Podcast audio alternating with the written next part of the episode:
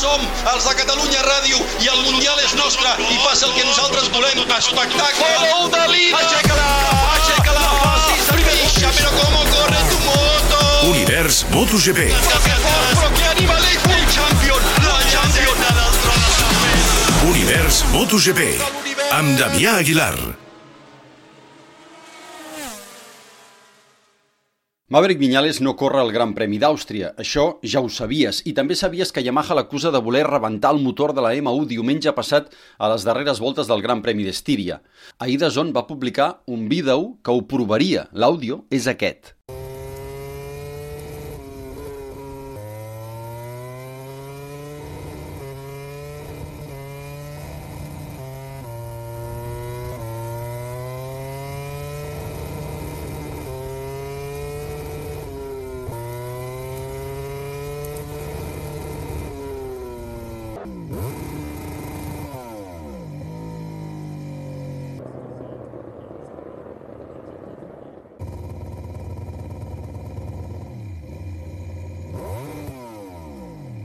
La distorsió que sents és el moment que Maverick Viñales dona gas intermitentment amb molta força. Un enginyer de Yamaha m'assegura que no té cap dubte que la marca té raó. Viñales no corre diumenge i difícilment tornarà a pujar una Yamaha, això crec que passaria per una disculpa pública i amb prou feines. Tot plegat recorda l'espantada del 2012 quan era pilot de Moto3 i va marxar de Malàisia amb son pare. La impulsivitat que tant mal li fa, que tant mal els fa, el pitjor que pot fer ara mateix Maverick Viñales, o més ben dit, el pitjor que poden fer ara mateix els Viñales, en plural, és mostrar arrogància. M'expliquen fons d'Aprilia que el contracte signat pel pilot per al 2022 és un fet i que el volien fer oficial aquest cap de setmana i ara cal esperar que es calmi la cosa. I no només això, perquè té o tenia converses amb Ducati per pilotar una Desmo Sedici el 2023. Aquesta part ara ja no me la crec tant perquè a Ducati aquest comportament no li haurà agradat gens, ni a Aprilia. Només que la marca de Noale potser no té res a perdre i el que s'assigna s'ha de respectar en principi. Univers MotoGP. Té raó Vinyales en obrar així? És clar que no. Va ser víctima de la frustració de passar a tenir esperances de fer una bona cursa, a veure's l'últim, però no hi ha excuses.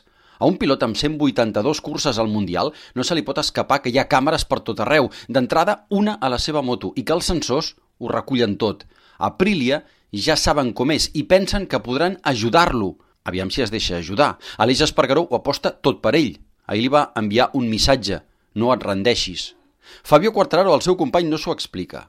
Honestly, yes, because, you know, I Estic molt sorprès perquè tenim una moto genial. Ell va guanyar la primera cursa de la temporada. La moto va bé i és consistent. No sé què ha passat. Tenim el potencial de lluitar pel podi i si no ens va bé per fer dels cinc primers. És difícil entendre què ha passat. És més, és que els Vinyales reconeixen que la Yamaha és una molt bona moto, només que el pilot no s'hi troba, que no és per ell. Diumenge passat, l'Àngel, el pare, va criticar l'equip a Facebook i els acusava de perjudicar el seu fill a posta. Doncs ara l'equip acusa el seu fill de voler trencar una moto que val milers d'euros. He intentat parlar amb el pilot, pare i representant, com la resta dels meus col·legues de professió, suposo, i res, silenci. Potser és el millor, però està clar que ara mateix ens manca una cosa, que és la versió del Maverick, un Maverick Vinyales que fa temps que se sent l'Indiana Jones del motociclisme a la recerca de la felicitat perduda però no passa d'ànima turmentada. A tot això, Yamaha està de pega. Motorsport ha publicat que Petronas abandona MotoGP i la formació SRT desmantella de cara a l'any que ve els equips de Moto2 i Moto3. Segurament, en part, és una reacció al fet de no poder fitxar Raúl Fernández, però aquesta és una altra història que ja t'explicaré si puc més endavant. Univers MotoGP. Paraula de Damià Aguilar.